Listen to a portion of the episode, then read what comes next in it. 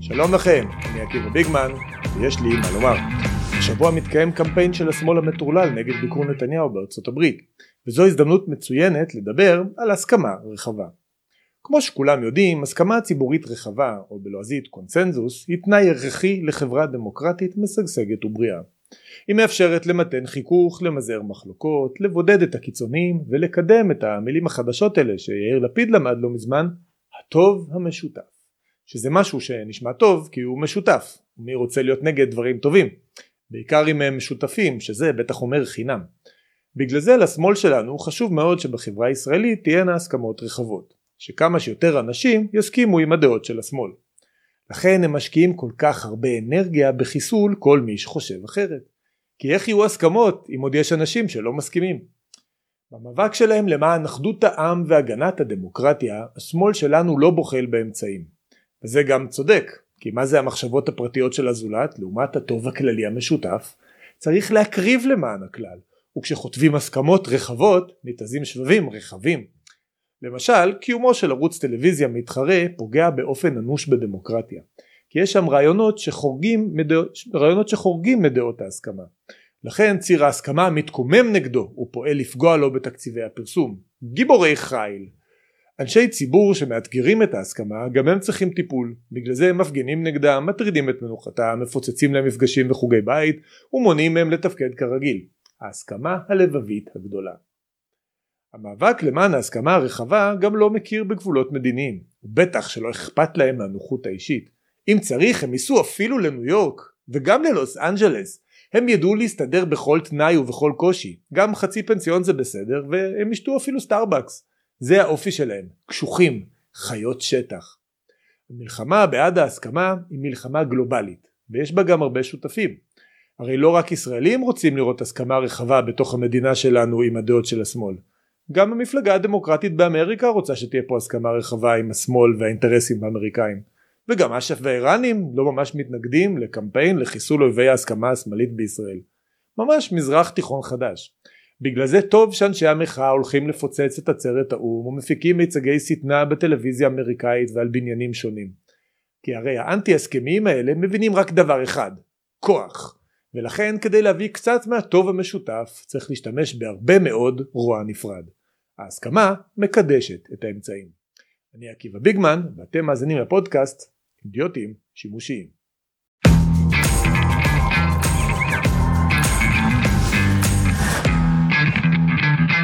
פרק חדש של אידיוטים שימושיים, פרק מספר 9, אני עקיבא ביגמן, תודה רבה שהצטרפתם אליי, יש לנו הרבה תוכן מעניין מאוד היום, אבל ראשית אני רוצה להזכיר לכם כמובן שאנחנו אנשי ימין נאמנים למשנת ז'בוטינסקי ואנחנו עובדים לפי עיקרון חמשת המ"מים, מנוי, מגיב, משתף, ממליץ, מחבב. זה מה שמאפשר לנו להשאיר כאן את האורות דולקים ואת המצלמות רצות ולספק לכם תוכן ותחקירים יומם וליל. לעשות מנוי לעקיבא ביגמן באתר מידע יש קישור כאן למטה אפשר להיכנס בנוחות ולתמוך בי בפעילות שלי. זה מאפשר אה, לי להמשיך ליצור את התוכן הזה. התגובות שלכם השיתופים שלכם והדירוגים שלכם ברשתות מקדמים אותנו מאוד בכל הרשתות ובכל הפלטפורמות. אני מודה לכם על זה מאוד. אנחנו קיימנו מספר אירועים כבר אה, למנויים, היה לנו כנס גדול לפני שבועיים ואנחנו מקיימים גם אה, מפגשי זום, וובינרים אה, למנויי מידע, קיימנו שניים כאלה בשבוע שעבר, יהיו גם עוד בהמשך. מי שעשה מנוי לאתר, אני מזמין אתכם להיכנס לאזור האישי, אפשר לראות שם את התוצרים של האירועים האלה, זה דברים מאוד מעניינים, חלק השתתפתי ואני לא יכול להעיד, אבל חלק האזנתי ואני יכול בהחלט להעיד, דברים שאתם לא יכולים למצוא אותם בשום מקום אחר, בשביל זה יש את אתר מידע.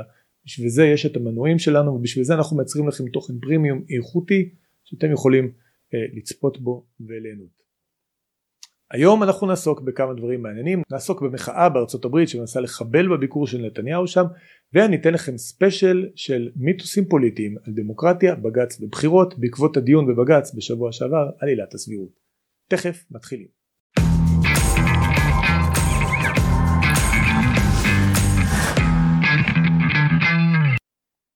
השבוע ראש הממשלה נתניהו טס הברית למסע אה, דילוגים מדיני בלוס אנג'לס ובוושינגטון והמחאה טסה איתו.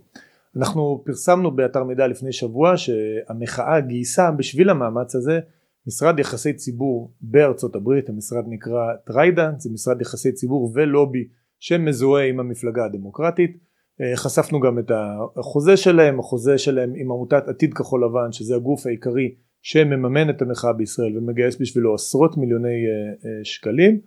אה, החוזה הזה נועד אה, למטרה של השפעה על דעת הקהל. מדברים שם על 75 אלף דולרים לשלושה חודשים לא כולל ההוצאות של הקמפיינים עצמם הודעות בעיתונות אה, סירות עם מקרינים לא יודע כל הדברים מסוקים ראינו אתמול כל הדברים שהם הם עושים שם.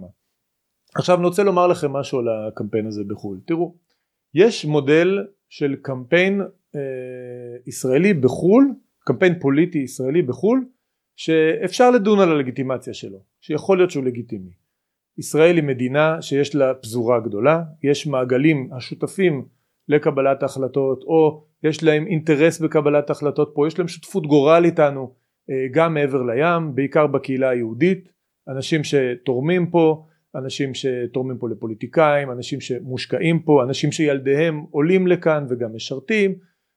אנחנו רואים בפזורה חלק מאיתנו. וכשיש סכסוך פוליטי בישראל שיש ויכוח אני חושב שזה לגיטימי במידה מסוימת גם לערב אותם. מקבל את זה. אם אה, פוליטיקאי ישראלי אה, טס לארצות הברית לפגוש קבוצה מהקבוצות הרלוונטיות האלה של ישראלים יורדים יהודים וכן הלאה ואנשים שמפגינים נגדו אה, מביאים את זה לשם זה משהו אחד אני חושב שזה חמור, אני חושב שזה חריג, אפשר לדבר על הלגיטימציה של זה, אני אמרתי, אבל זה משהו אחד. זה משהו אחר לגמרי כשאתה מייצר מאבק נגד המדינה שלך מול קהל שאינו רלוונטי למעגל של קבלת ההחלטות, אינו רלוונטי למעגל האלקטורלי של המדינה. זה לא הרחבה של הדמוקרטיה שלך גם לאנשים שנמצאים מחוץ לגבולותיה, זה, זה פגיעה בדמוקרטיה שלך, פגיעה במדינה שלך על ידי גיוס מדינות זרות או אויבים של המדינה שלך במקומות אחרים. לצערי הרב הקמפיין שארגוני השמאל החליטו לעשות אה, סביב הביקור הזה של נתניהו בארצות הברית זה קמפיין מהסוג השני. בעבר הם עשו קמפיינים מהסוג הראשון. כשרוטמן פוגש תורמים שלו בניו יורק ומישהו עושה איזושהי הפגנה קטנה לידו אפשר לקבל את זה אני לא חושב שזה נכון, לא מסכים, אפשר לקבל את זה, זה בתוך המעגל הרלוונטי. הקמפיין שהם עושים זה לא קמפיין על דעת הקהל היהודית, זה לא קמפיין על דעת הקהל הישראלית, זה לא קמפיין על שום דעת קהל שרלוונטית למעגל קבלת ההחלטות או מעגל הפנימי של הדמוקרטיה הישראלית, של השחקנים בדמוקרטיה שלנו. הם עושים קמפיין נגד ראש הממשלה שלנו כשהוא נמצא בביקור מדיני במטרה לקדם אינטרסים כלליים של המדינה אינטרסים שגם הם מסכימים עליהם. נתניהו נמצא עכשיו בארצות הברית לא כדי לקדם שום דבר שנוי במחלוקת. הוא לא בא לקדם את הרפורמה, הוא לא מדבר על זה כמעט. הוא לא בא לקדם, לא יודע מה, התנחלויות. אנחנו אפילו לא מדברים על ממשל טראמפ שהוא יכול לקדם דברים שהשמאל לא אוהב. הוא מאוד מוגבל. הוא בא לקדם את הטכנולוגיה הישראלית עם אילון מאסק והוא בא להילחם בגרעין האיראני ובהשפעה האיראנית במזרח התיכון. זה מה שהוא בא לעשות. מישהו במחאה חושב שזה דברים שנויים במחלוקת? זה משהו פסול? זה משהו לא ראוי? זה משהו שהם לא מסכימים איתו? להפך, הם מסכימים על הכל. הם אלו שייהנו מהשקעות הטכנולוגיות בישראל, זה א', ב', הם אומרים לנו כל הזמן שכדי שנוכל להילחם בגרעין האיראני צריך שישראל תהיה דמוקרטית ושהשופטים ימשיכו לבחור את עצמם. זה מה שהם אומרים לנו. כדי שנוכל להמשיך לשרת ולהפציץ אנחנו צריכים שבג"ץ ישמור עלינו מהאג. זה הדברים שהם בקונצנזוס ומה שהם עושים עכשיו הם בעצם הולכים לפגוע בקונצנזוס. זה לא הפעם הראשונה הם עשו את זה גם בקמפיין החרמות בחצי שנה האחרונה. הם עשו את זה היה גם קמפיין זה בעצם המשכו של איזשהו קמפיין מדיני לבודד את נתניהו שהם עושים אותו מהקמת הממשלה הזאת ומהשקת הרפורמה. הם פוגעים באינטרסים הקונצנזואליים המשותפים הם פוגעים במה שמוסכם זה הדבר המרכזי בסיפור הזה. זה מילא אם אתה הולך בתוך המחלוקת וגם פועל בחו"ל, משהו אחד. אתה הולך עכשיו מחוץ למחלוקת, אתה פוגע באינטרסים המשותפים של כולם, כי מבחינתך שישרף המועדון רק שהאינטרסים שלך לא ייפגעו. זה המהלך שלהם. עכשיו אנחנו ראינו את החומרים, ראינו את ההקרנה על אלקטרז, ראינו את ההקרנות על בניין האו"ם, דרך אגב אני לא מבין איך זה חוקי בארצות הברית, אני לא מבין איך המשטרה שם לא עוצרת אותם, מישהו יכול להקרין על בניין, על סמל ציבורי כמו האו"ם ולא להיעצר, אני אין לי מושג. אם מישהו מהצופים המאזינים שלי מבין משהו בחוק האמריקאי או יכול לקשר אותי למישהו שם שיכול להיות רלוונטי זה מעניין אותי מאוד. אני פשוט לא מבין איך זה, איך זה ייתכן. אולי צריך להגיש תלונות אני לא יודע לא ראינו שמדינה אחרת מקרינה על בניין האו"ם. גולים האיראנים לא מקרינים אל תקשיבו לרוחני כשהוא נואם או משהו כזה. לא ראינו דברים כאלה זה באמת אה, צעדים חסרי תקדים. אבל זה מה שהם עושים. עכשיו אני רוצה שנאזין רגע לא, לאותה טייסת שהתראיינה בתוכנית 60 דקות שזה קטע שרץ הרבה ברשת. אני רוצה שרגע נקשיב למה שהיא אומרת. If you want pilots to be able to fly and shoot bombs and missiles into houses knowing they might be killing children, they must have the strongest confidence in the people making those decisions. And the moral values of them. Exactly. קשה להבין מה, מה היא מנסה להשיג, הדברים מאוד ברורים, היא, היא, היא בעצם מודה, היא, היא אולי לא מבינה עד הסוף מה היא אומרת, אבל היא בעצם מודה שחיילי צה"ל יורים טילים על, על ילדים, זה מה שהיא אומרת, יורים טילים בכוונת מכוון, מקבלים הוראות לירות טילים על ילדים. היא לא אומרת אה, אנחנו עושים את כל המאמצים לא לפגוע בחפים מפשע, אנחנו עושים מקש בגג, אנחנו מתקשרים לבית, אנחנו בודקים מיליון פעם עם כל האמצעים המודיעיניים שיש לנו, ואם אנחנו מגלים חס וחלילה שיש חפים מפשע אנחנו מבטלים את התקיפה כמו שקורה לא אחת. ולפעמים קורה, לעיתים רחוקות, מדי פעם שיש נזק אגבי של חפים מפשע שלא ידענו עליהם ולא הצלחנו למנוע. זה הקו הישראלי הרגיל, זה הקו שאמור להגן עליה מפני תביעה בהאג, שתכף נדבר על זה. לא, היא אומרת אני מקבלת הוראות מהממונים עליי לשלוח טיל לתוך בית שיש בו ילדים ואני רוצה לדעת שהאנשים האלה הם פועלים בשיקולים מוסריים או משהו מעין זה. זה מה שהיא אומרת, היא לא מבינה בכלל את המשמעות של מה שהיא עושה. כי מה שהיא עושה פה זה בעצם להודות בשקרים הכי גרועים שמפיצים אויבי ישראל על המדינה. הקליפ הזה הוא עכשיו רץ בטיק טוק ובטוויטר הישראלי הוא הולך לרוץ בלי סוף בעולם הערבי אנחנו נראה את זה אל ג'זירה ישדרו את זה ארגוני הטרור ישתמשו בזה אנחנו נראה את זה מסתובב בכל העולם כי היא, היא מכפישה פה את המדינה. כדי להבין מה הם מנסים לעשות ו, ואיך זה כדי להבין מה בדיוק הם מנסים לעשות ואיך זה מתהפך בעצם עליהם ועל כולנו אני רוצה שנראה עוד קליפ אחד מהתוכנית 60 דקות. If you wanna be able to solve the occupation one day and I think that everyone here does the only way to stop it and to solve it is to make sure Israel remains a democracy. אז פה הם מדברים על הכיבוש הם אומרים מדינת ישראל אני, אני אומר התוכן המשתמע מדינת ישראל היא מדינה כובשת זה דבר רע הם שוב מאשרים חלק מהתעמולה הכי רעה והכי ארסית נגד המדינה זאת מדינה רעה שהיא כובשת. אנחנו רוצים להפסיק את הכיבוש בשביל זה צריך שמדינת ישראל תהיה דמוקרטית ואחר כך מן הסתם להפיל את נתניהו ואז נוכל לעשות את השלום שאף פעם לא מצליח. אבל אני רוצה שתשימו לב לעניין העיקרי. שני הדוברים האלה גם על הכיבוש וגם הטייסת על הילדים הם מייצאים לארצות הברית את השיח הפנימי בתוך השיח הישראלי שיש אה, שמגיע בתוך הקשר באמת של הסכמה רחבה הסכמה רחבה שאומרת א' מדינת ישראל היא מדינת הלאום של היהודים ואין לה תחליף והיא לגיטימית והיא חיונית ואנחנו אוהבים אותה. זה הנחה אחת.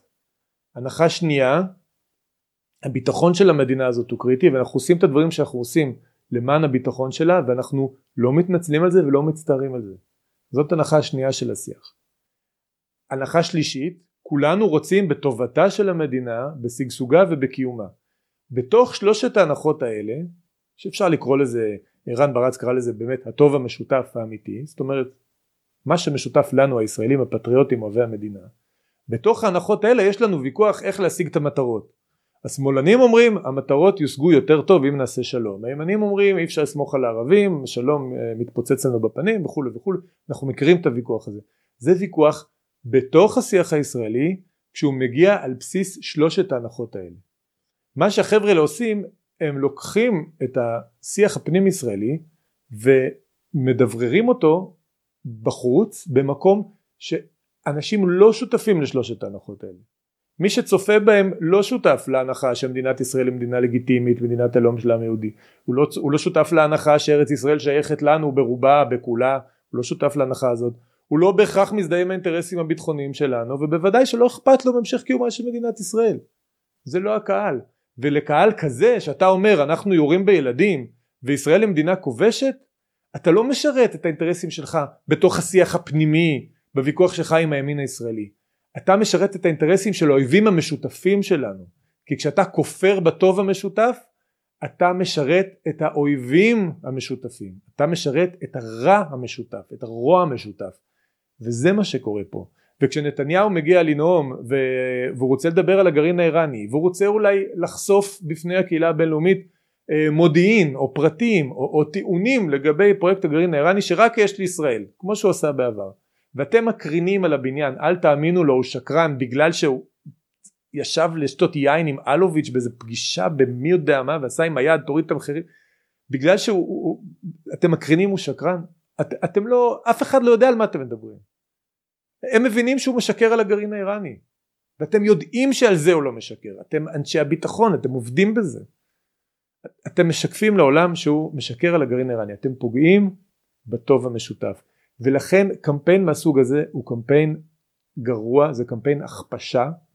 גם אם אני יכול להבין מה הם ניסו לעשות שזה לנסות לשכנע את דעת הקהל בארצות הברית בצדקת עמדתם בתוך השיח הישראלי ברגע שאתה יוצא מגבולות השיח הישראלי ואתה יוצא מגבולות ההסכמה הרחבה שמאפיינת אותו בדבר שלושת הדברים האלה קיומה של המדינה אהבת המדינה ביטחון המדינה הרצון בטובת המדינה כשאתה מוציא את השיח מתוך ההקשר הזה זה הופך לשיח הכפשה.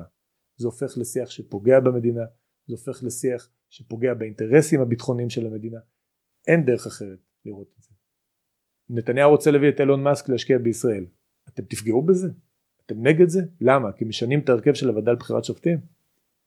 פשוט לא יאומן. עכשיו אני רוצה טיפ קטן בתור לוחם במילואים, סמל בפלוגת חרמש לטייסים היקרים שלנו. אני מבין את החשש שלכם. אתם חוששים שאם בג"ץ לא יהיה חזק, אז לא יהיה מי שיגן עליכם בהאג. כי למרות שזה שטויות, כי עקרון המשלימות לא קשור בכלל לרפורמה, אבל אתם חוששים. אני יכול לקבל את החשש הזה. גם אני לא הייתי רוצה לעמוד בפני בית הדין הבינלאומי בהאג באשמה של פשעי מלחמה. אז קבלו טיפ.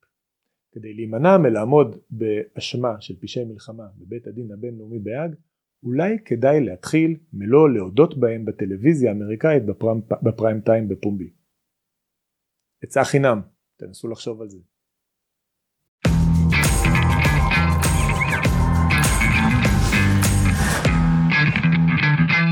במשך שנים הכללים של ההתנהלות בין הכנסת לבית המשפט היו ברורים. אנחנו שיחקנו כדורסל.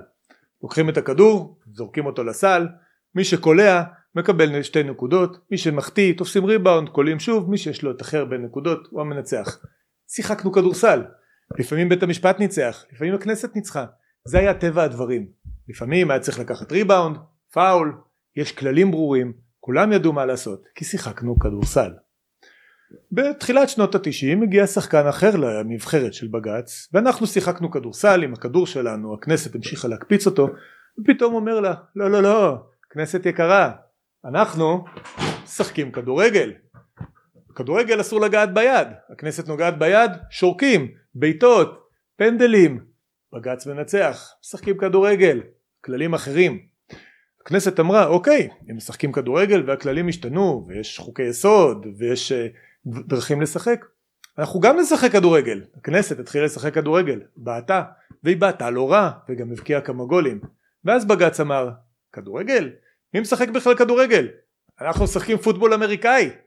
פוטבול זה משהו אחר לגמרי. אנחנו נכנסים אחד בשני. זה כיף. למה אתם משחקים עדיין כדורגל? מי אמר לכם בכלל לשחק כדורגל? זה כתוב בפסק דין בנק מזרחי. אז מה? פוטבול חברים. פוטבול זה עתיד. הכנסת אמרה אוקיי יאללה בוא נשחק פוטבול יש לנו נבחרת פוטבול, יש לנו כמה גברברים, יאללה פוטבול. אומר בג"ץ, מי משחק היום פוטבול? יש לנו פריסבי. למה לגעת בכלל בכדור המגעיל הזה? מי בכלל אוהב את המשחק הזה? התקדמנו, משחקים פריסבי היום, כנסת יקרה. כנסת רוצה לשחק פריסבי? אומרים לה לא, אנחנו בפינג פונג, פינג פונג, מי משחק היום פריסבי? מה זה פריסבי? זה הפריסבי החוקתי שאינו חוקתי. הכנסת מתחילה לשחק פינג פונג? פתאום בג"ץ אומר לא, אנחנו לא משחקים פינג, פינג פונג, אנחנו במשחק אחר לגמרי. היום משחקים דוקים, זה המשחק שהולך היום. זה מה שקורה בבג"ץ. הכנסת משחקת לפי כללים ובית המשפט כל הזמן משנה את הכללים. אומרים לך שיש כללי, כללי עבודה מסוימים, אתה, אתה, אתה מאמץ את זה, אין בעיה. אהרון ברק עושה מהפכה חוקתית, אומר שחוקי היסוד עומדים מעל הכל. הכנסת אומרת בסדר אז נחוקק חוקי יסוד, חוקקים את חוק הלאום, עושים את התיקון לסבירות. בג"ץ אומר לא לא לא, יש גם חוקי יסוד שאינם חוקתיים, גם שם אנחנו יכולים להתערב. בכל צעד ושעל בית המשפט העליון משנה את הכללים וזה הסיפור הגדול של הדיון בבג"ץ השבוע. משנים לנו את הכללים כל הזמן תוך כדי תנועה. ובדיון הזה היום בדיון הזה שהיה בשבוע שעבר זה היה דיון על שינוי הכללים. זה מה שקרה. וכשמשנים כללים בדמוקרטיה תוך כדי תנועה זה הדבר הכי גרוע. כי בניגוד למה שכולם אומרים הפורמליסטיקה בדמוקרטיה זה המהות. הפרוצדורה היא המהות. ככה זה צריך להיות בדמוקרטיה. וזה התהליך שאנחנו נמצאים בו היום צפיתי בדיון בבג"ץ לפחות ברובו שעות ארוכות של אה, דיון ויצאתי בתחושה קשה מאוד. התחושה היא זו. בית המשפט העליון לא דן בכלל בנושא העיקרי שהנושא העיקרי זה סמכותו לפסול חוקי יסוד. זה הנושא היחיד שחשוב. אבל הנושא הזה הוא לא נמצא בדיון כי את ההחלטה שבית המשפט יכול לפסול חוקי יסוד הם כבר קיבלו. הם כבר קיבלו בכל מיני פסקי דין שהם כתבו בהם אוביטרים אוביטרים פסקאות לא מחייבות של הגות מדינית או פילוסופית שלהם. כבר ב-2018 ואפילו לפני זה הם אמרו שיש בעיקרון בתיאוריה יש להם סמכות לפסול חוקי יסוד. פשוט כרגע מסיבות כאלה ואחרות הם לא מממשים את הסמכות הזאת. אבל זאת השאלה הכי חשובה. הדיון התנהל בתוך המסגרת שבג"ץ כפה עלינו אחרי שהוא כבר נטל לעצמו את הסמכויות האלה בצורה לא דמוקרטית לא הוגנת וללא דיון ציבורי כמובן כי בג"ץ לא צריך דיון ציבורי בפסקי דין שנכתבו כבר לפני כמה שנים. הם נטלו לעצמם את הסמכויות האלה ועכשיו רק מדברים בתוך המגרש הזה של הסמכויות. היחיד שניסה לערער על מערכת האמונות הזאת היה שמחה רוטמן שבא בתור אה, יושב ראש ועדת אה, חוק חוקה ומשפט והוא ערער על הפרדיגמה. הוא היחיד שהיה. לדעתי הממשלה והכנסת היו צריכות לעשות כך. הדיון הזה הוא לא דיון לגיטימי לבג"ץ אין סמכות לפסול חוקי יסוד אין לנו חוקה אף אחד לא הסמיך אותם לעשות את הדבר הזה אסור להם הם לא יכולים לקחת את הסמכות לעצמם. מה שצריך לעשות זה לשלוח לצד רוטמן לשלוח גם את אמיר אוחנה יושב ראש הכנסת וגם את שר המשפטים יריב לוין. כל אחד היה צריך לשאת נאום על חוסר הלגיטימציה של הדיון ולצאת מהאולם. אסור היה להשתתף בדיון בתוך כללי המשחק של הדבר הזה קרה כאן משהו חמור בבג"ץ והיה צריך להגיב בהתאם. הכנסת חברי הכנסת צייצו הכנסת לא תיתן שירמסו אותה זה היה מאוד חמוד. בפועל מי שצפה בדיון ראה בדיוק איך הכנסת נותנת שירמסו אותה. הדיון הזה היה דיון בשביל הרקורד ההיסטורי. ככה אני צפיתי בו. אני אמרתי לעצמי כשאני צופה את זה הנכדים שלי יראו. זה בשיעורי ההיסטוריה שלהם. אני רוצה לראות איך זה נראה. וזה היה נראה רע מאוד עורך דין שהוא לא עורך, עורך דין מתוך המערכת שמנסה להתחנן על נפשה של הכנסת שבית המשפט יואיל הפעם לוותר זה לא מה שהיה צריך לראות. עורך הדין בומבך שיכול להיות שעורך דין מצוין בתחומיו הוא לא מומחה למשפט חוקתי הוא לא מנהיג. אנחנו היינו צריכים לראות פה מנהיגות. את המנהיגות שלנו עומדת ואומרת הדיון הזה הוא לא לגיטימי. זה הנאום שאני הייתי רוצה שהילדים שלי והנכדים שלי יזכרו מהאירוע הזה. ואת זה לא היה. היה רגע של אנטי קליימקס עם שחקנים לא מתאימים לסצנה אה, אותי זה מאוד מאוד אכזב. עוד מעט ננתח קצת יותר בפרטים אה, דברים שעלו בדיון אבל מבחינת המסגרת הכללית של הדיון אה, אני מאוד התאכזבתי מהדבר הזה. היינו צריכים לראות שם הרגע מנהיגותי של נבחרי הציבור שלנו מנהיגי העם אנשים שנבחרו על ידי העם אנשים שקיבלו את המנדט מהעם שנוקטים באמירה עקרונית על מבנה הרשויות בישראל על סמכותה של הכנסת על ריבונות העם את הדבר הזה לא ראינו וזה חבל מאוד.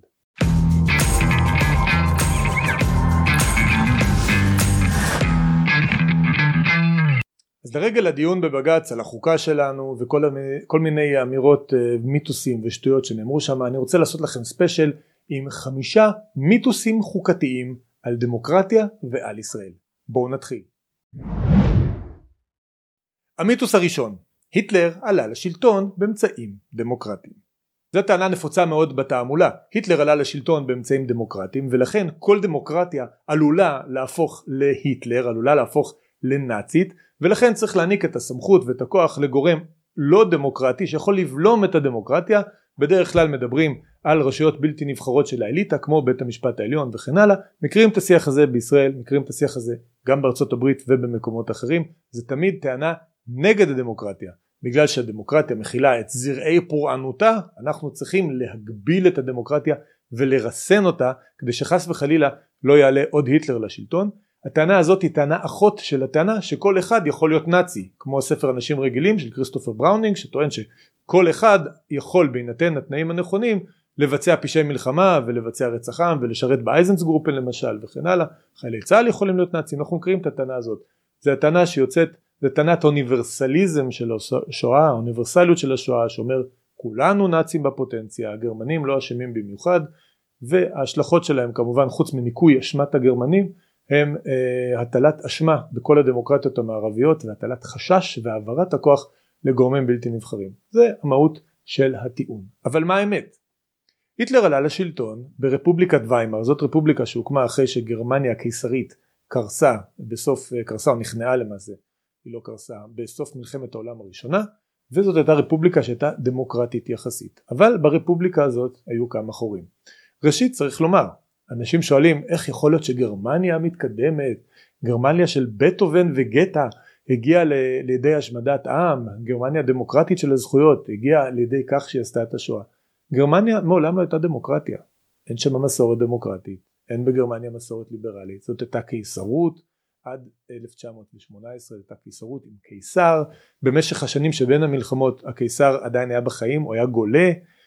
היה זרם ריאקציונרי חזק מאוד בתוך החברה הגרמנית שרצה להחזיר את הקיסרות להחזיר את המלוכה אה, על המדינה הזאת. כלומר זה ממש לא משהו שדומה לארצות הברית שהאתוס שלה הוא דמוקרטי. האתוס של גרמניה בתקופה הזאת היה אתוס קיסרי.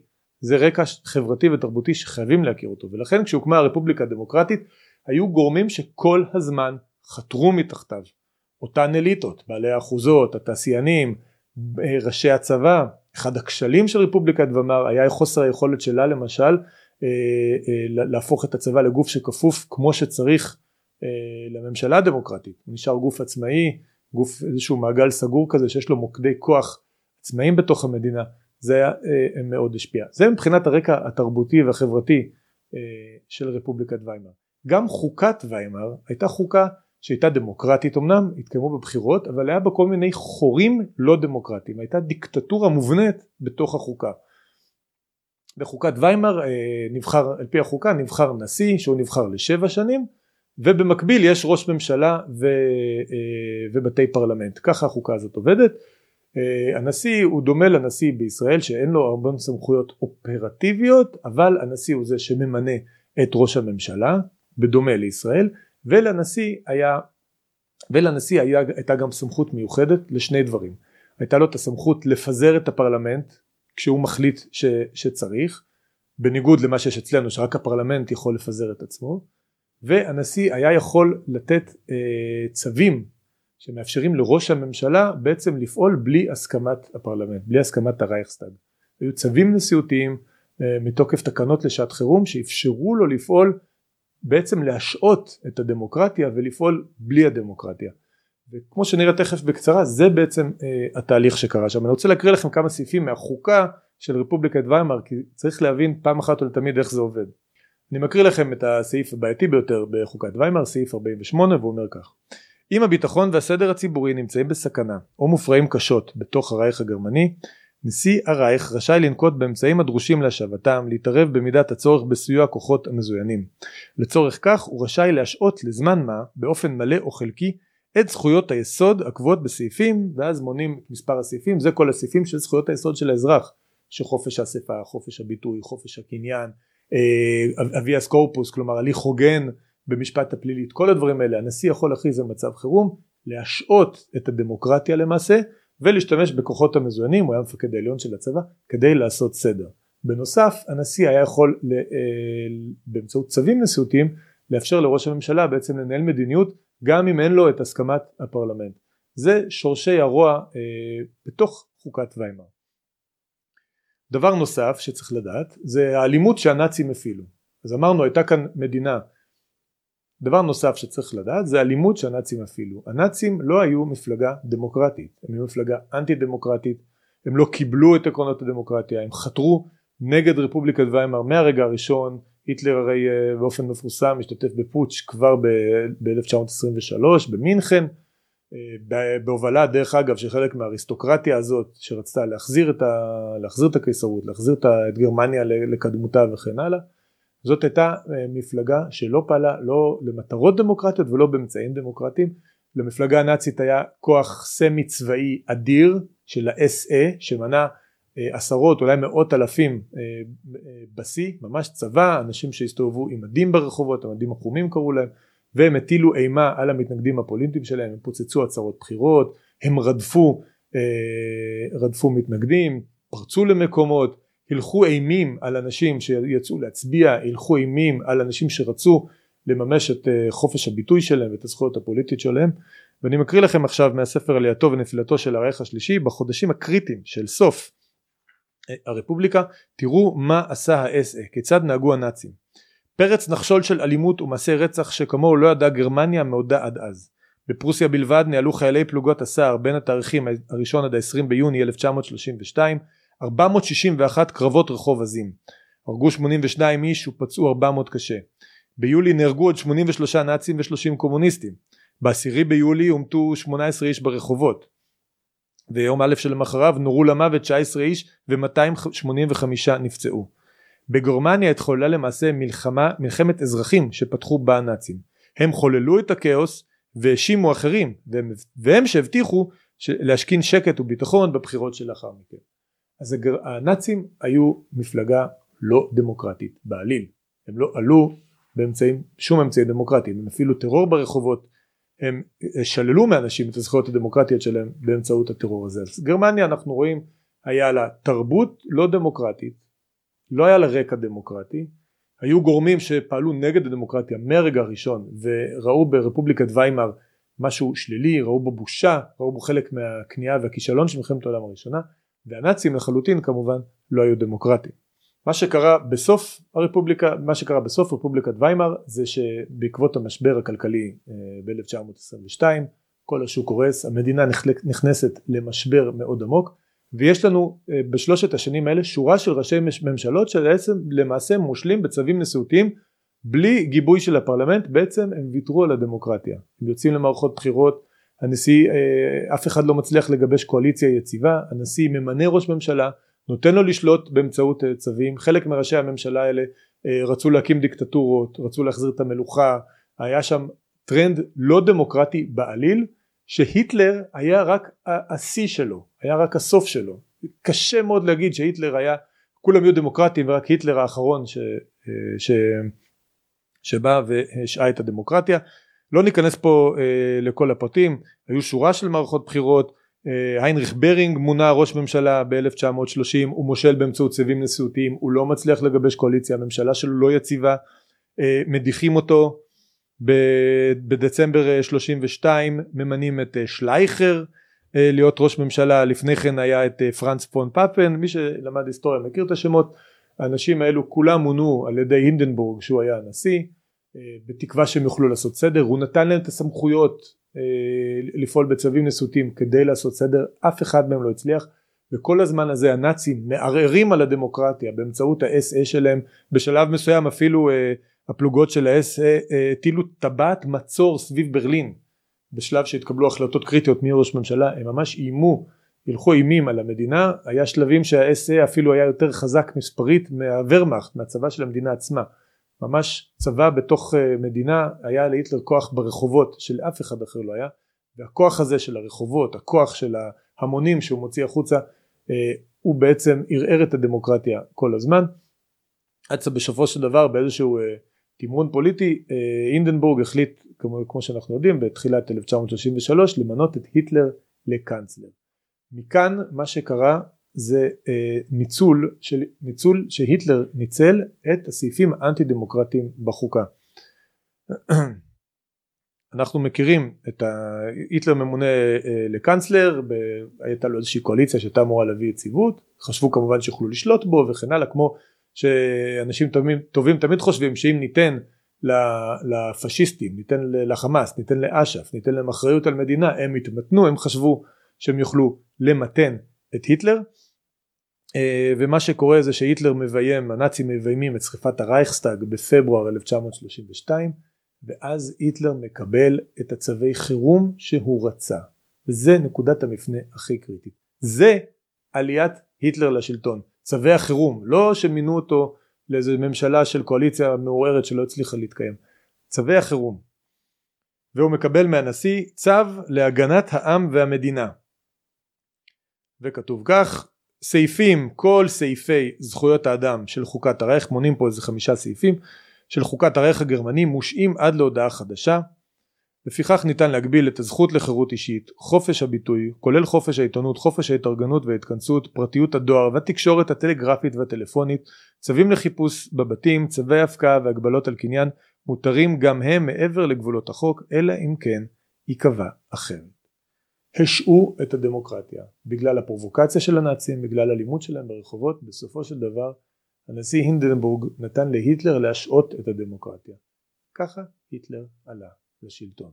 השלב הבא של זה הוא השתמש בצווים האלה במערכת הבחירות הקרובה, הוא פגע ביכולת של האויבים שלו, בעיקר הקומוניסטים, להתמודד, ולאחר הבחירות הוא רצה את חוק ההסמכה, שלמעשה הפך אותו לדיקטטור על מלא, וכדי להעביר את חוק ההסמכה הוא הוציא מחוץ לחוק את הקומוניסטים וחלק מהאופוזיציה, מנע מהם, אה, מהצירים שכן נבחרו, מנע מהם להגיע לפרלמנט, חלקם היו בכלא, חלקם פשוט אה, הלכו עליהם אימים, מנעו מהם בדרכים כאלה ואחרות, בקיצור הוא השיג רוב בפרלמנט באמצעים לא דמוקרטיים והעביר את חוק ההסמכה. אז כשאומרים לכם שכל מה שהנאצים עשו הוא חוקי ושהיטלר עלה באמצעים דמוקרטיים ושכביכול אה, גרמניה הפכה מרפובליקה דמוקרטית לדיקטטורה דרך ההליך הרגיל של דמוקרטיה פרלמנטרית ושל ויכוח ציבורי, תדעו שמשקרים לכם. גרמניה הפכה לדיקטטורה נאצית באמצעות הסעיפים הדיקטטוריים שהיו טמונים בחוקה שלה על ידי אנשים שלא כיבדו את כללי המשחק של הדמוקרטיה, שלא כיבדו את חופש הביטוי, שלא כיבדו את החירות של האזרחים, שילכו אימים ברחובות, שיהיו מוכנים לשרוף הכל רק כדי שהם יקבלו את הכוח, ככה נפלה הדמוקרטיה של ויימאר לא בשום דרך אחרת. מיתוס מספר 2 מגילת העצמאות היא מקור הסמכות של כנסת ישראל. בדיון בבג"ץ עלתה הטענה בצורה מאוד מאוד משונה אני חייב לומר שכנסת ישראל צריכה מקור סמכות חיצוני והשופטים שאלו וגם אליעד שרגא מאיזה סמכות יונקת הכנסת את הסמכות שלה לחוקק חוקי יסוד או לחוקק חוקים בכלל. תראו את השופט קאשר. לדעתכם מה המקור של הכנסת לחוקי חוקי יסוד בכלל? איפה המקור? לחוקק חוקי יסוד? כן, מאיפה המקור לזה? אה, החלטת הררי. מצוין, החלטת הררי זה בעקבות מגילת העצמאות. אז איך מסתדרת הדעה שהמקור לעצם הסמכות הזאת הוא מגילת העצמאות, אבל התוכן של מגילת העצמאות סביב ההוראה הזאת ממש, סביב הסמכות הזאת אין תוקף ואין מגבלה. איך הדעה הזאת היא קוהרנטית? השופט קשר מניח שגם אם הכנסת היא רשות מכוננת שמחוקקת חוקה היא צריכה מקור סמכות חיצוני איזשהו טקסט שהיא יכולה להישען עליו. משהו מעבר לאותם אנשים לעם לרשות לסמכות המכוננת לאספה המכוננת שהתכנסה כדי לחוקק חוקה. כשאני רוצה לשמוע ניסוחים בומבסטיים של טענות אבסורדיות אני פונה לליעד שרגא. בוא נראה איך הוא ניסח את הטענה הזאת. מאיפה למכונן יש את הסמכות לחוקק ולכונן את חוקי היסוד? אין לו אלמלא אותם אה, עוגנים אה, חיצוניים. הם המטען הגנטי הם ה-DNA שמהם אה, המכונן שואב את סמכותו לחוקק את חוקי הוא מחפש את הנקודה הארכימדית הדבר הזה שעליו יכול להישען הסמכות של העם אבל רבותיי, ממה נובעת הסמכות של העם לחוקק חוקה? מהעם. אין נקודה ארכימדית מחוץ לעם. לא צריך טקסט שאומר העם הוא מקור הסמכות. זה הרעיון הדמוקרטי. אין דבר מחוץ לעם. כל המחשבה הזאת שאנחנו צריכים לחפש משהו שממנו אה, נובעת ההסמכה של העם לעשות משהו, זאת טענה מגוחכת. היא פשוט לא מתחילה, היא לא קיימת בשום מקום. החוקה האמריקאית בארצות הברית מתחילה We the people, אנחנו העם, זה מקור הסמכות, זה מקור הסמכות היחיד. לא צריך את מגילת העצמאות ולא צריך שום דבר. העם הוא מקור הסמכות והמקור הסמכות הזה התחיל כשהוכרזה עצמאות והוקמה אספה מכוננת שהייתה אמורה לנסח חוקה. זה הסמכות האספה המכוננת כי העם בחר בה הבחירות הראשונות. האספה המכוננת הזאת החליטה שהיא לא תעשה חוקה לקחה את פשרת הררי של לבנות את זה בחוקי יסוד פרקים פרקים מה שנקרא וזה הסמכות זה הכל. אין שום דבר מעבר לזה. אבל הטענה על ההסתמכות על מגילת העצמאות היא אפילו הרבה יותר אבסורדית. כי לא רק שתאורטית אין שום בסיס לדבר הזה. אף אחד ממנסחי מגילת העצמאות לא ראה את עצמו כמי שמנסח אה, חוקה או כמי שמייצר את מקור הסמכות של העם. אף אחד לא ראה את זה ככה. תמיר דורטל חברי מגיש הפודקאסט אה, על המשמעות אסף בשבילנו את הציטוטים בדיוק הנקודה הזאת להראות איך תפסו מנסחי מגילת העצמאות עצמה את אה, העבודה שהם עשו. זה מתוך אה, זום מיוחד שאנחנו קיימנו למנויים בשבוע שעבר. מי שעוד לא מנוי ורוצה אה, לצפות בזום הזה אני מזמין אותו עכשיו לעשות מנוי. זה נמצא באזור האישי באתר. בואו נראה איך תמיר מסביר את המיתוס הזה. אז אומר לנו אה, בן גוריון אוקיי אוקיי יש פה ויכוח גדול יש פה הרבה הסתייגויות מהמגילה הכל בסדר אבל בואו נבין מה התפקיד שלה ומה המטרה שלה. תפקידי ביסוס הכרזת העצמאות. זהו התפקיד המרכזי הנתמים דעים עם מר פנקס שאין נוסח זה כלי לשלמות, ואין איש מאלה שחיברו את התעודה הזאת מתיימר לחשוב שזה כלי לשלמות. אבל הכוונה הייתה לתת רק אותם הדברים שלפי דעתנו מבססים בשבילנו, בשביל עם ישראל, בשביל דעת הקהל בעולם ובשביל האומות המאוחדות את הדבר הזה שאנו אומרים לעשות היום. מדוע אנו מכריזים עצמאות? שום דבר אחר. אין זאת קונסטיטוציה, זאת לא חוקה. ומה אומר לנו בן גוריון? אין זאת קונסטיטוציה, תהיה קונסטיטוציה לחוד, ואף אחד מאיתנו אינו חולק על חופש הדיבור, האספה, נתכנסנו כאן דברים יסודיים נדרשים מאיתנו מטעם האו"ם, ובטוחני שבחוקה המלאה יהיו דברים אלה ועוד כהנה וכהנה. כלומר, ברור שזה לא קונסטיטוציה, אז בואו נרגיע עם כל הנוסח הזה, זה לא מעניין כל כך, זאת רק הכרזה שנועדה לאו"ם ולעולם. אז אף אחד ממי שניסח את מגילת העצמאות, לא בן גוריון ולא אנשים אחרים שהיו מעורבים בזה, לא חשבו שהם מנסחים חוקה, לא חשבו שהם מייצרים עכשיו מסמך שהוא יהיה מקור הסמכות, שאליו אנחנו גם נפנה כדי להבין את גבולות הסמכות וכן הלאה וכן הלאה. זה הכל קשקוש, זה שטויות, זה דברים שאהרון ברק המציא החל מאמצע שנות ה-80 או מתי שהוא לא התחיל עם זה, זה נכנס חזק בכבוד אדם וחירותו ביוזמתו, אה, ועכשיו הוא כבר בונה על זה תילי תילים של תיאוריות, ש...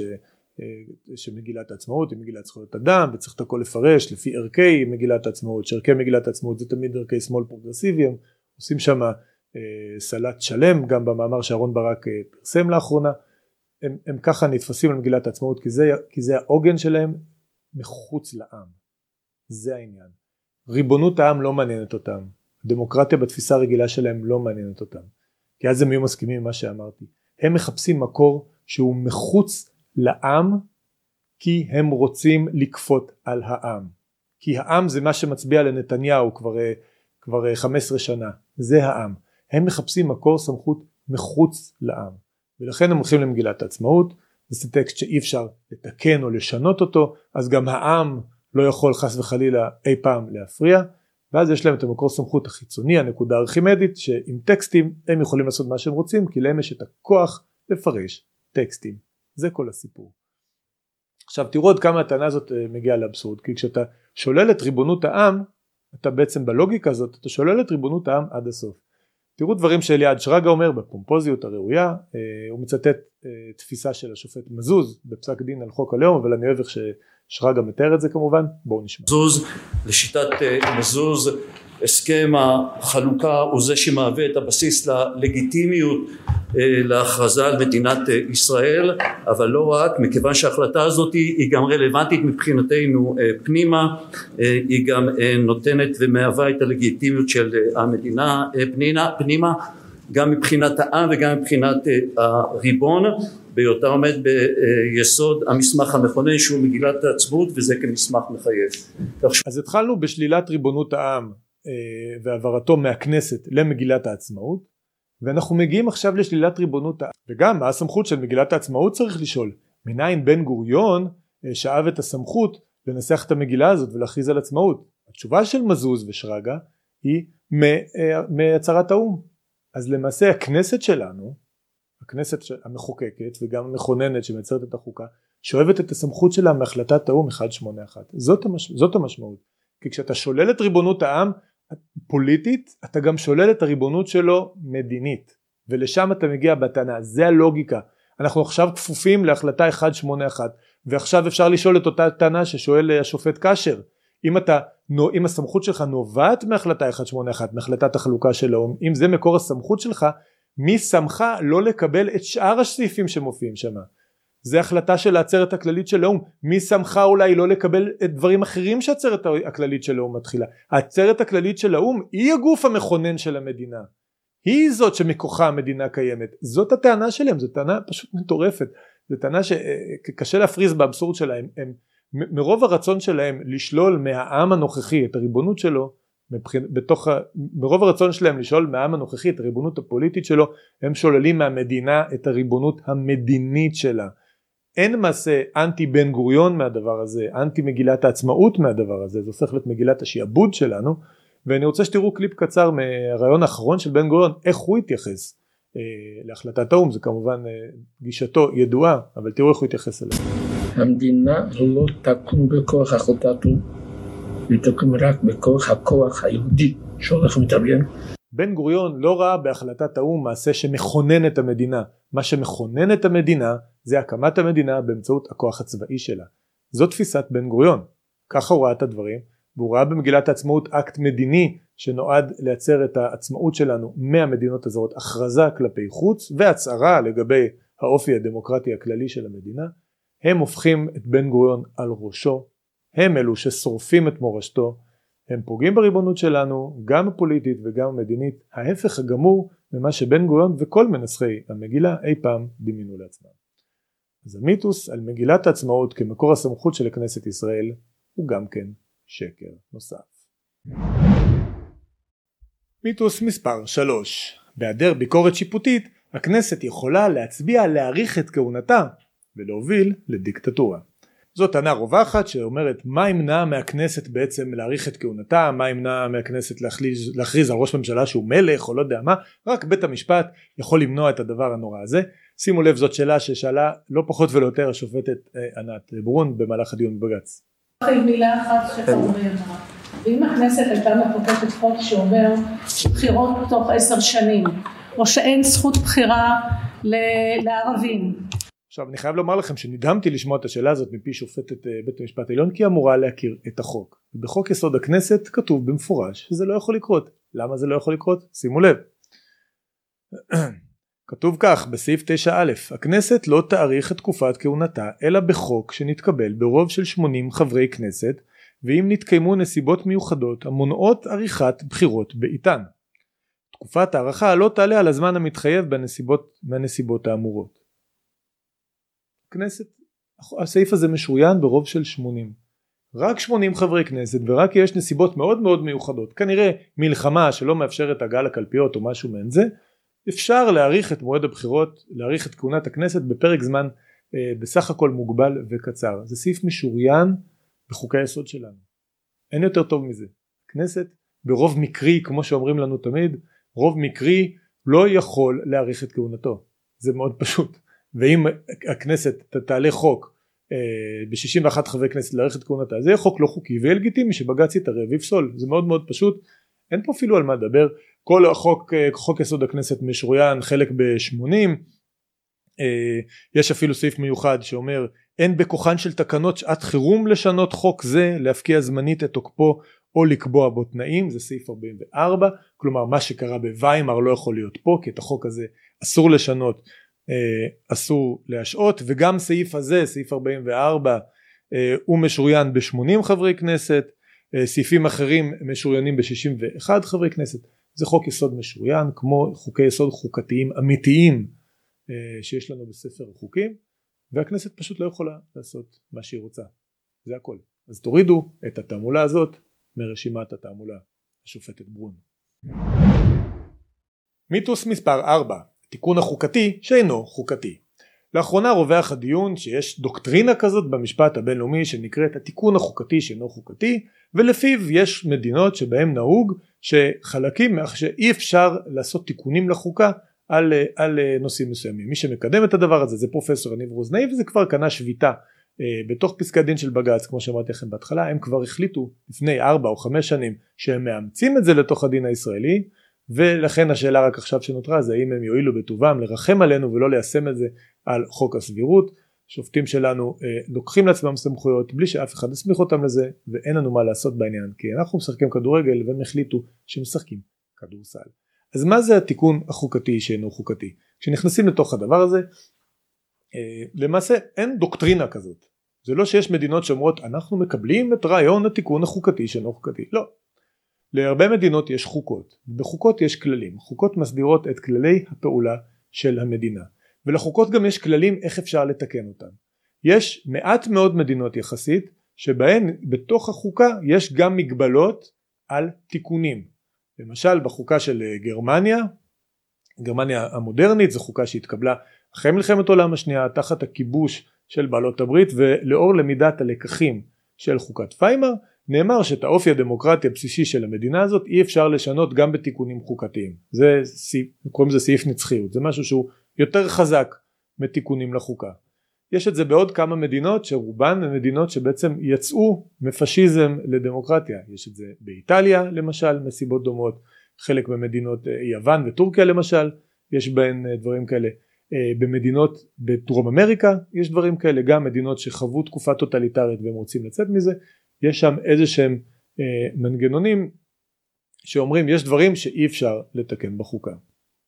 צריך לומר כמה הערות. ראשית הנורמה הזאת קיימת במדינות שבהן יש באמת עבר דיקטטורי והם חוששים ממשהו שהם חוו והם רוצים למנוע אותו.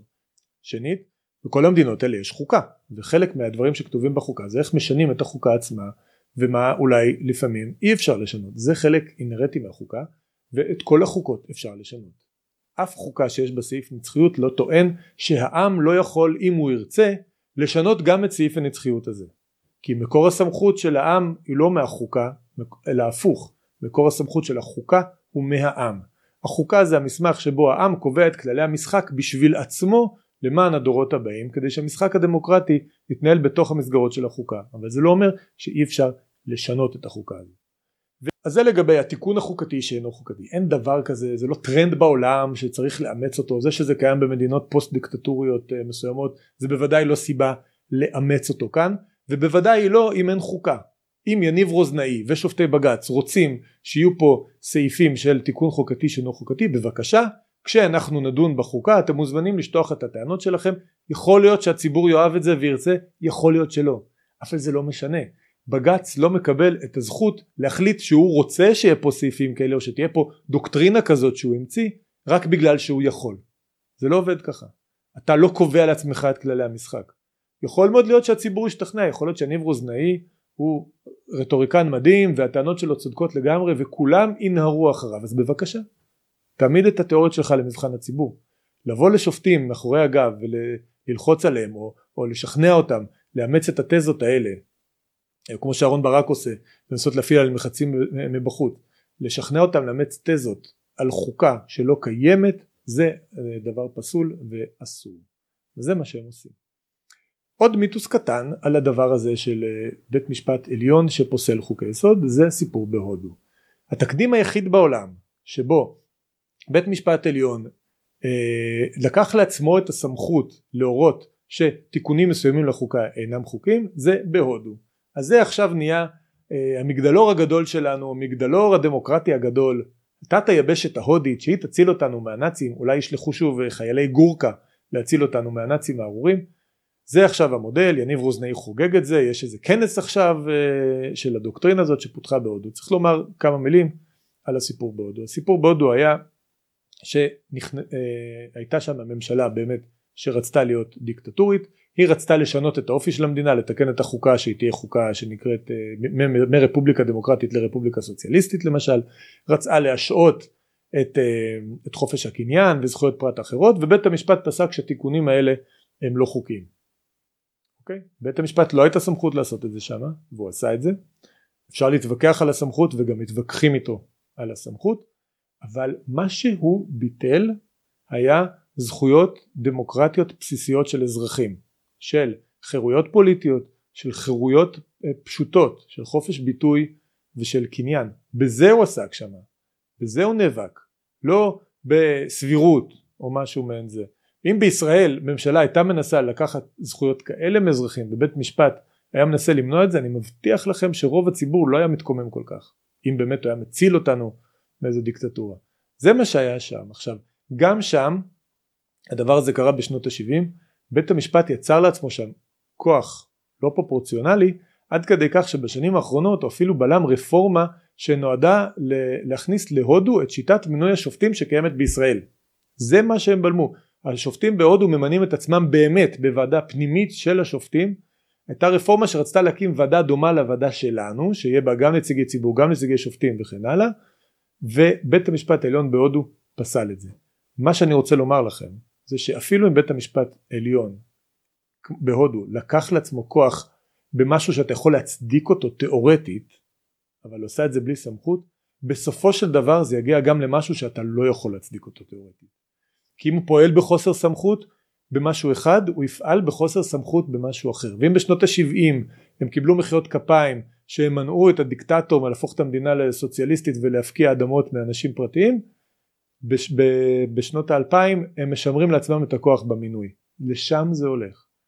כוח בלי סמכות יהפוך להיות כוח כוח בלי סמכות גם אם הוא פועל בהתחלה בדברים שאתה אוהב בסוף יפעל גם בדברים שאתה לא אוהב. ככה זה עובד. אז התיקון החוקתי שאינו חוקתי אתם יכולים למחוק את זה מהלקסיקון. זה לא קיים בשום מקום חוץ מבדמיון של יניב רוזנאי ולצערי גם בפסקי הדין של שופטי העליון. והמיתוס האחרון שזה המיתוס החביב עליי ביותר מיתוס מספר 5 אנחנו בית המשפט המרוסן ביותר בעולם.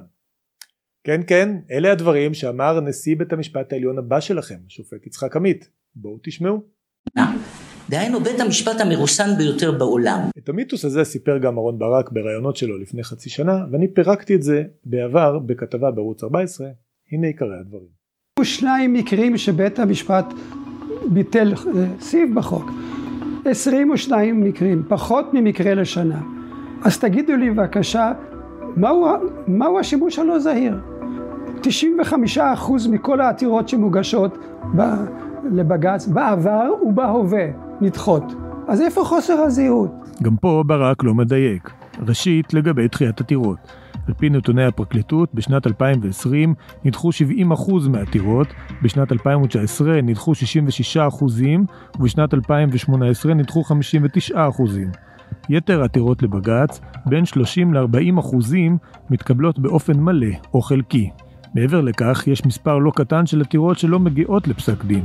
בעניין הזה, דינה זילבר, לשעבר בכירה בפרקליטות, חושפת פרט מעניין. שיעור המקרים שבהם המדינה מתקפלת לפני פסק דין, בין בשלבים שלפני הדיון ובין במהלך הדיון, עומד על כ-25 עד 30 אחוזים. זה המיתוס שמספרים לעצמם שופטי בית המשפט העליון שלנו, שהם מרוסנים, שהם לא מתערבים. למה הם אומרים את זה? כי הם פסלו יחסית מעט חוקים, רק 22 חוקים נפסלו מאז המהפכה החוקתית, וזה יחסית מעט. אבל יחסית למי? זה יחסית מעט למדינות שבהן יש חוקה, שהחוקה מסמיכה את בית המשפט העליון לפסול חקיקה של הפרלמנט, זה נכון. אבל זה המון מאוד יחסית למדינות שאין בהן חוקה ושבית המשפט העליון נטל לעצמו את הסמכות לפסול חוקים. כי כזאת מדינה אין בעולם. ו-22 חוקים כשאין לך סמכות זה המון. כשמדובר בנטילת סמכויות ללא הסמכה בית המשפט העליון שלנו לא רק שהוא לא מרוסן להפך הוא משולח רסן. אלו היו חמישה מיתוסים על דמוקרטיה וחוקה ועל בית המשפט העליון שלנו. תודה רבה לכם.